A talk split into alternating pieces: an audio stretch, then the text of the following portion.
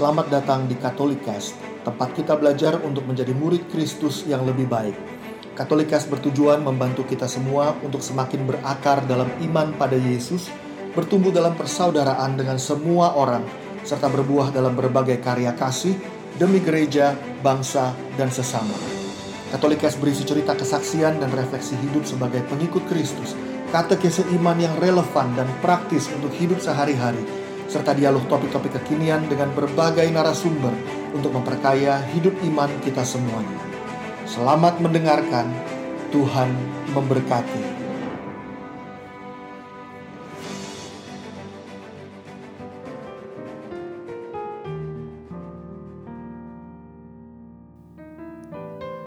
Hai semuanya, um, pada tahun 2013 dalam sebuah perjalanan penerbangan di pesawat, Pope Francis, Pope Franciscus menjawab pertanyaan dari seorang jurnalis Itali tentang uh, gay. Lalu uh, Pope Francis jawab begini, If a person is gay and seeks the Lord and has goodwill, well, who am I to judge them? Uh, atau bahasa Indonesia kalau seorang itu punya ketertarikan sesama jenis dan mencari Tuhan dan punya niat yang baik, siapakah aku ini untuk menghakimi mereka gitu. Nah, uh, sejak saat itu istilah who am I to judge jadi sangat terkenal, lalu banyak dibahas di mana-mana. Kemudian bahkan ada yang mengatakan bahwa ini tanda-tanda bahwa Pope Francis akan mengizinkan uh, kemungkinan pernikahan sesama jenis misalnya.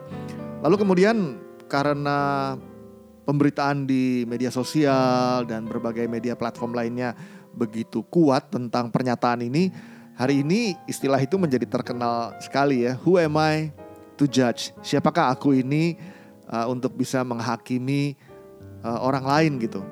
Lalu bahkan kemudian kalimat ini dipakai menjadi alasan setiap kali kalau ada orang mengatakan sesuatu itu secara moral itu uh, buruk atau menegur orang karena perilaku yang salah misalnya, lalu langsung dibalas dengan jawaban uh, jangan menghakimi orang lain dong gitu. Uh, Paus Fransiskus saja bilang who am I to judge gitu. Dan ini sering kali diartikan dengan uh, salah konteks atau salah diartikan sepenuhnya.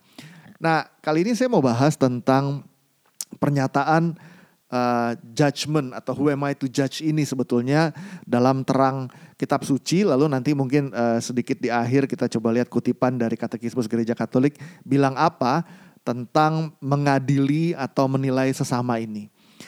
Nah, pertama-tama uh, kalau menurut Google Translate ya, kata to judge itu diterjemahkan ke dalam bahasa Indonesia itu bukan menghakimi, tetapi menilai. Oke, okay? Kita punya pemahaman yang agak beda sebetulnya ya antara menghakimi dan menilai. Jadi ada tiga sebetulnya eh, bahasa Indonesia terjemahannya kemungkinannya bisa menilai, bisa mengadili, atau bahkan bisa juga mempertimbangkan. Dan uh, kita semua cukup paham bahwa menilai, mempertimbangkan, mengadili itu punya bobot yang berbeda gitu. Menilai itu kan uh, cukup netral ya, artinya saya punya penilaian, yaitu penilaian saya gitu. Uh, tapi mengadili itu bisa jadi lebih jauh. Misalnya kalau mengadili yang terbayang pengadilan gitu. Bukan cuman bilang itu salah, tetapi juga menjatuhkan hukuman kalau pengadilan. Maka mengadili bisa jadi punya intensitas yang lebih kuat daripada menilai. Nah, who am I to judge? perlu dipahami dalam bahasa Indonesia dengan pemahaman yang tepat sehingga belum tentu to judge itu artinya mengadili.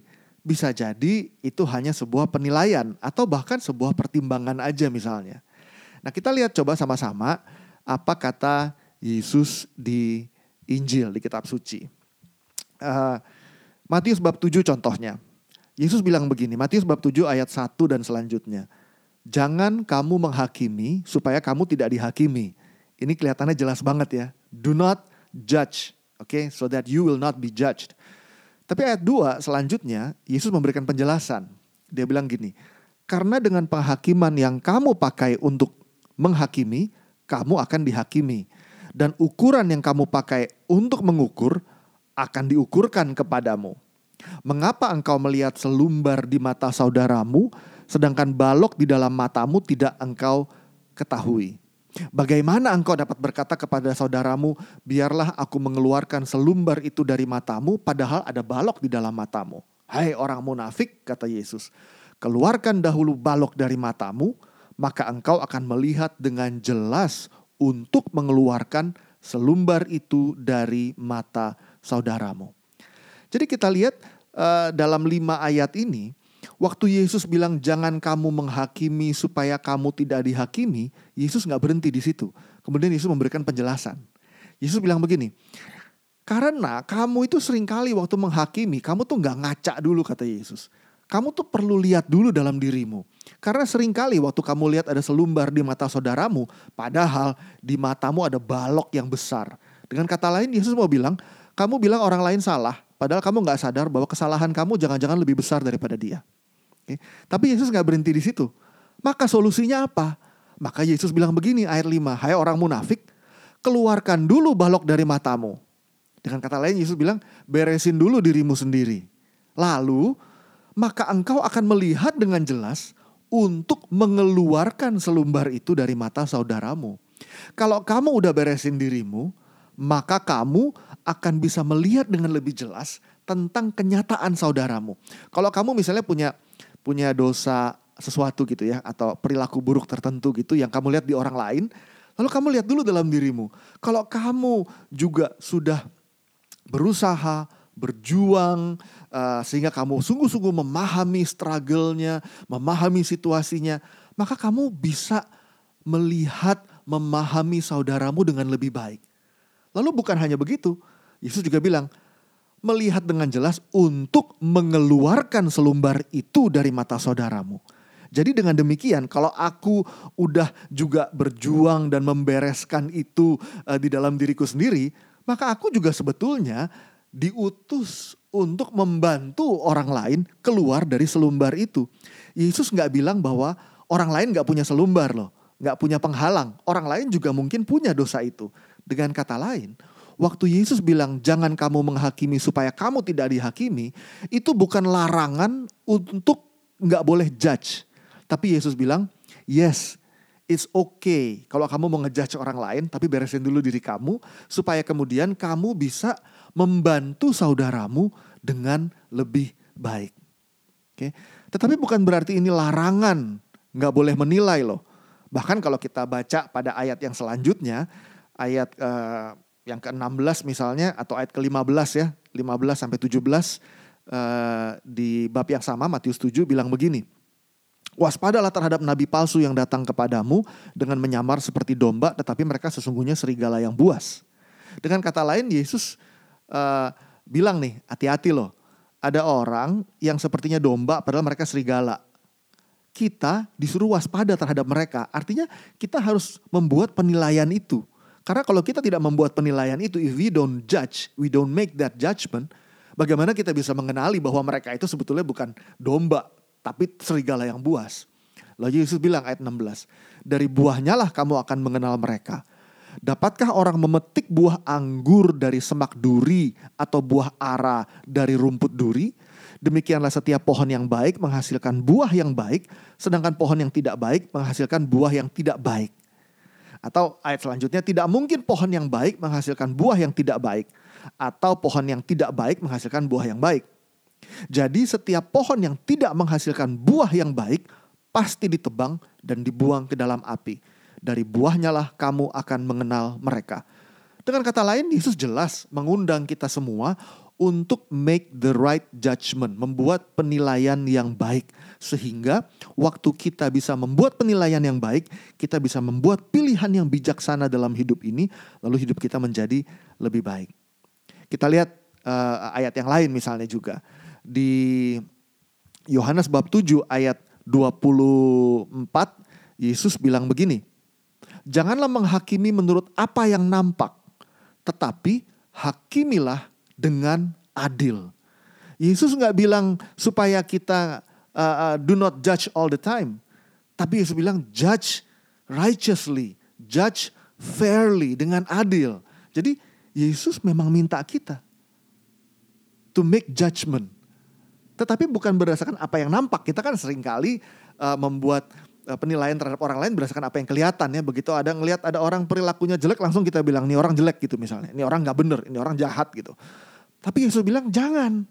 Hakimilah dengan adil. Dengan kata lain, kita perlu memahami benar situasi dia, baru kita bisa dengan baik membuat sebuah penilaian. Karena kalau kita tidak pernah membuat penilaian, bagaimana kita bisa membuat pilihan-pilihan di dalam hidup kita dan jadi orang yang lebih baik? Atau kita lihat ya, perikop yang lain lagi. Matius 18. Di Matius 18, Yesus bilang begini, ayat 15. Apabila saudaramu berbuat dosa, tegurlah dia di bawah empat mata. Jika ia mendengarkan nasihatmu, engkau telah mendapatnya kembali. Ayat 16, tetapi jika dia tidak mendengarkan engkau, bawalah seorang atau dua orang lagi supaya atas keterangan dua atau tiga orang saksi perkara itu tidak disangsikan. Ayat 17, jika ia tidak mau mendengarkan mereka, sampaikan soalnya kepada jemaat. Dan jika ia tidak mau juga mendengarkan jemaat, pandanglah dia sebagai seorang yang tidak mengenal Allah atau seorang pemungut cukai. Ayat 18, Aku berkata kepadamu sesungguhnya apa pun yang kamu ikat di dunia ini akan terikat di sorga. Dan apa yang kamu lepaskan di dunia ini akan terlepas di sorga. Jadi kita lihat bahwa Yesus mengundang kita untuk membuat penilaian. Yang mana yang baik, yang mana yang gak baik, yang mana yang cinta, yang mana yang dosa. Dan kalau kita melihat saudara kita berbuat dosa, Yesus mengundang kita untuk menegur dia. Tetapi di bawah empat mata, bukan menjelekkan reputasi dia di depan orang lain. Kita sering kali lakukan itu ya. Lalu Yesus bilang kalau dia mendengarkan nasihatmu, engkau telah mendapatnya kembali. Nah ini kan artinya ada penilaian, ada judgment yang perlu kita buat. Jika ia tidak mendengarkan engkau, bahkan Yesus bilang lebih jauh lagi ajak satu dua orang saksi supaya perkaranya itu valid, tidak disangsikan. Lalu kalau dia nggak berubah juga, sampaikan soalnya kepada jemaat. Maksudnya jemaat ini adalah eklesia. Eklesia itu artinya yang berwenang. Uh, gereja, ya lu yang berwenang di gereja adalah uh, hierarki. Maka hierarki punya wewenang untuk membuat judgment. Dan judgment itu diberikan power, kuasa oleh Yesus sedemikian kuatnya sehingga apa yang kamu ikat di dunia ini akan terikat di sorga dan apa yang kamu lepaskan di dunia ini akan terlepas di sorga. Artinya gereja diberikan kekuatan untuk membuat penilaian lalu membuat keputusan berdasarkan penilaian itu dan keputusan yang dibuat oleh gereja akan mengikat uh, di sorga juga. So kita lihat bagaimana Yesus itu bukannya melarang kita untuk membuat judgment, tetapi untuk membuat judgment dengan adil, dengan bijak, dengan baik, dengan sehat, sehingga orang lain bisa diselamatkan. Maka kalau tujuannya adalah agar orang lain bisa diselamatkan, harus berangkat dari kasih. Saya suka uh, uh, share kalau saya sendiri sering kali kalau saya melihat ada seorang saudara, seorang sahabat yang punya perilaku yang salah. Gampang deh, contoh misalnya kalau kita punya sahabat, kita punya kenalan yang adiksi narkoba misalnya. Masa kita diamin aja? Karena kita mencintai dia, kita akan bilang sama dia, eh saya tahu loh kamu tuh melak, uh, apa, uh, uh, mengkonsumsi narkoba dan kamu harus berhenti. Saya tahu nggak gampang, tapi aku bersedia mendampingimu, berjalan bersama denganmu, bersahabat denganmu terus untuk menemanimu berjuang sampai engkau bisa lepas dari adiksi narkoba misalnya. Oke, jadi untuk sampai ke titik itu kan kita harus membuat penilaian, make the right judgment. Uh, penilaian yang berangkat dari kerinduan untuk mencintai sesama. Jadi uh, bukannya kita nggak boleh membuat judgment, tetapi kita perlu membuat judgment bahkan berangkat dari cinta harapannya penilaian itu mewujud nyata menjadi sebuah teguran di dalam kasih fraternal correction yang bisa membawa orang kembali kepada Tuhan sehingga mereka diselamatkan. Nah, terkait dengan uh, ini Katekismus Gereja Katolik uh, bicara atau berkata begini, artikel 2478. Supaya tidak mengadili secara lancang, setiap orang harus memperhatikan agar sedapat mungkin menilai pikiran, perkataan, dan perbuatan sesama secara wajar. Lalu penjelasannya diambil dari kutipan Santo Ignatius, uh, kutipan dari Santo Ignatius yang bilang begini. Setiap warga Kristen yang baik harus lebih terbuka agar menerima ungkapan sesama sebagai hal yang dapat dipercaya, dipercaya daripada mengecamnya. Kalau ia tidak mampu membenarkannya, ia patut menyelidiki bagaimana orang itu mengartikannya. Kalau diartikan dalam arti buruk, ia harus memperbaikinya dengan cinta kasih. Dan kalau itu belum mencukupi, ia akan mencari segala cara yang memadai supaya ia dapat sampai kepada suatu pengertian yang tepat dan dengan demikian menyelamatkan diri. Oke, jadi uh, mengadili uh, judgment nih kadang-kadang kalau kita menggunakan istilah mengadili dalam bahasa Indonesia uh, uh, kadang-kadang konotasinya seakan-akan negatif ya karena kata mengadili kan terkait di dalamnya ada pemahaman bahwa ada ada penilaian dan hukuman pada saat yang bersamaan gitu. Padahal dalam konteks bicara uh, kita sebagai pengikut Kristus Bicara tentang judgment itu bicara tentang menilai sesuatu itu baik atau buruk dengan terang firman Tuhan. Lah waktu kita berangkat dari dari terang firman Tuhan dan kerinduan untuk mencintai, we need to execute this kind of judgment. Judgment atau penilaian yang membawa orang kepada kasih dan keselamatan. Maka sering kali saya suka bilang begini ke, ke teman-teman misalnya kalau ada yang bilang, eh temanku berbuat salah nih, aku ingin menegur dia, boleh nggak gitu? Saya suka bilang uh, ada beberapa tips misalnya. Pertama, misalnya coba kita jujur sama diri kita. Waktu kita mau menegur orang lain, itu benar-benar karena aku mencintai dia, atau aku nggak tahan sama perilakunya yang bikin aku kesal. Oke, kadangkala karena perilakunya itu membuat aku uh, terganggu, perilakunya membuat aku kesel. Seringkali kita menegur orang bukan karena cinta, tetapi karena aku marah, karena aku nggak sabar. Maka kalau itu yang terjadi, saya suka bilang, maka jangan jangan tegur dia dulu. Karena itu bukan kasih. Itu hanya aku yang ingin memuaskan nafsu amarah atau ketidaksabaran yang ada di dalam diriku sendiri. Jadi saya selalu uh, uh, share ke teman-teman dan ini juga saya lakukan sama diri saya sendiri. Biasanya saya ambil waktu tuh diam uh, satu dua hari, lalu bawa dalam doa, lalu lihat Tuhan apa yang harus aku lakukan Tuhan.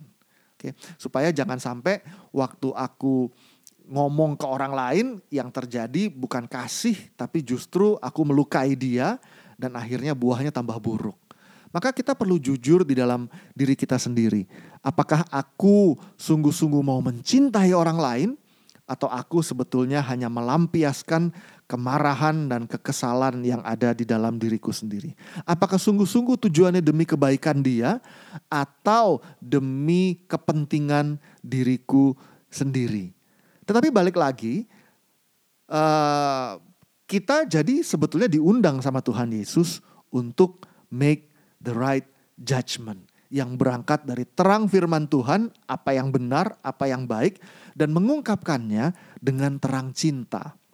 Nah, dengan terang cinta juga menyangkut satu hal yang sangat penting, yaitu berdoa bagi orang itu. Seringkali kita tuh begitu ngelihat ada sesuatu yang nggak benar dalam diri orang lain, oke tadi ingat ya, yang pertama ya, sebelum kita beresin selumbar di mata orang lain, beresin dulu balok di mataku. Oke, jadi jangan cepat-cepat negor orang lain, tetapi pertama-tama refleksi diri dulu. Jangan-jangan aku lebih lebih berdosa, lebih jelek, lebih buruk, lebih geblek daripada dia. Tapi yang kedua juga adalah kalau memang benar aku peduli sama dia, maka hal yang penting sebelum aku menegur dia adalah berdoa buat dia.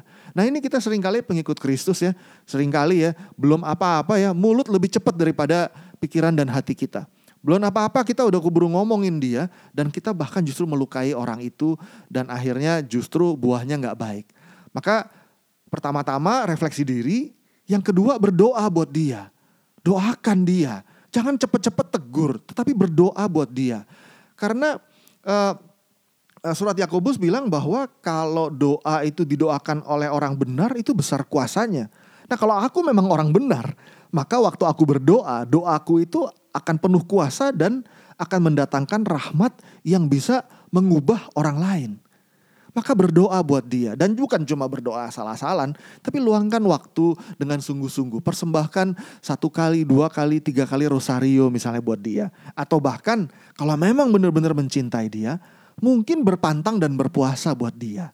Sebagai wujud ungkapan cinta kita kepada dia. Lalu kalau ternyata uh, memang kemudian butuh untuk berkomunikasi juga dengan dia, baru itu tahap yang berikutnya. Datanglah kepada dia, lalu tegur dia di bawah empat mata. Artinya nggak di depan orang banyak, tetapi dengan kasih ngomong sama dia dan katakan di awal bahwa hei aku nih mencintai kamu gitu, aku mengasihi kamu. Ini bukan karena aku kepo, mau sok tahu, sok bener, karena kenyataannya aku juga mungkin orang yang berdosa. Tetapi mungkin sebagai sesama pendosa, uh, uh, aku mau mengajak kamu untuk sama-sama uh, menjadi orang yang lebih baik Lalu ungkapkan apa yang menjadi kepedulianmu gitu. Misalnya ada perilakunya dia ataupun ataupun ada sikap tertentu yang menurutmu perlu diperbaiki.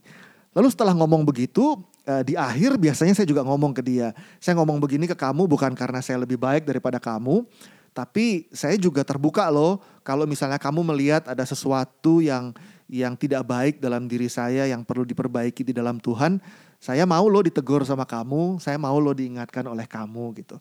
Jadi dengan demikian orang yang kita kita tegur tahu bahwa waktu kita menyampaikan teguran itu bukan karena aku ini lebih hebat atau lebih suci daripada dia, tetapi aku mencintai dia, aku peduli dengan dia dan bahkan aku juga memberikan keleluasaan bagi dia untuk menegurku kalau dia melihat bahwa aku juga punya perilaku yang perlu diperbaiki. Nah, teman-teman semuanya, dengan uh, pendekatan ini harapannya adalah waktu kita menyampaikan penilaian lalu uh, menjadi sebuah teguran atau nasihat kepada orang-orang di sekitar kita, kita nggak membuat orang itu menjadi terluka atau merasa ditolak, tapi orang itu harus tahu bahwa ini semua berangkat dari kasih berangkat dari cinta sehingga pada akhirnya cinta Tuhan bisa bergerak, berkarya dalam hidup dia dan memenangkan dia kembali ke dalam kasih Tuhan agar dia hidup di dalam terang dan kebenaran sesuai dengan firman Tuhan. Maka harapannya dengan begini kita bisa mengartikan dengan dengan benar apa yang dimaksud oleh Pope Francis waktu dia bilang who am I to judge gitu loh. Uh, karena Pope Francis mau bicara tentang bahwa dia juga orang berdosa seperti orang lain juga berdosa dan kalau ada orang lain yang memang dengan hati yang sungguh tulus mencari Tuhan ya kita nggak bisa menghakimi dia gitu loh. Tetapi yang bisa kita lakukan adalah berjalan bersama dengan dia mendampingi dia di dalam pergumulan dia dengan dosa-dosanya, sehingga dengan perjalanan mendampingi dengan kasih, orang bisa berbalik dari dosa dan kembali ke jalan yang terang, jalan yang benar di dalam Tuhan. Tetapi eh, ini bukan berarti bahwa yang jahat, yang dosa tidak boleh dikatakan sebagai dosa. Enggak. Yang dosa tetap dosa, yang salah tetap salah bicara soal judgment adalah bicara tentang undangan Tuhan untuk ikut ambil bagian di dalam karya keselamatan Tuhan melalui tindakan, perbuatan, perkataan yang penuh kasih, pendampingan yang penuh dengan semangat persahabatan dan persaudaraan sehingga melalui kasih dan kerahiman Tuhan kita bisa bersama-sama jadi orang yang lebih baik, lebih benar, lebih terang, dan lebih dekat dengan hati Tuhan. Dengan demikian teman-teman semuanya, kita semuanya bisa bersama-sama bertumbuh di dalam apa yang baik, apa yang benar di dalam Tuhan, membuat penilaian yang lebih bijak, yang sesuai dengan firman Tuhan, yang sesuai dengan ajaran gereja, yang sesuai dengan prinsip-prinsip kasih. Terima kasih. Tuhan memberkati kita semua.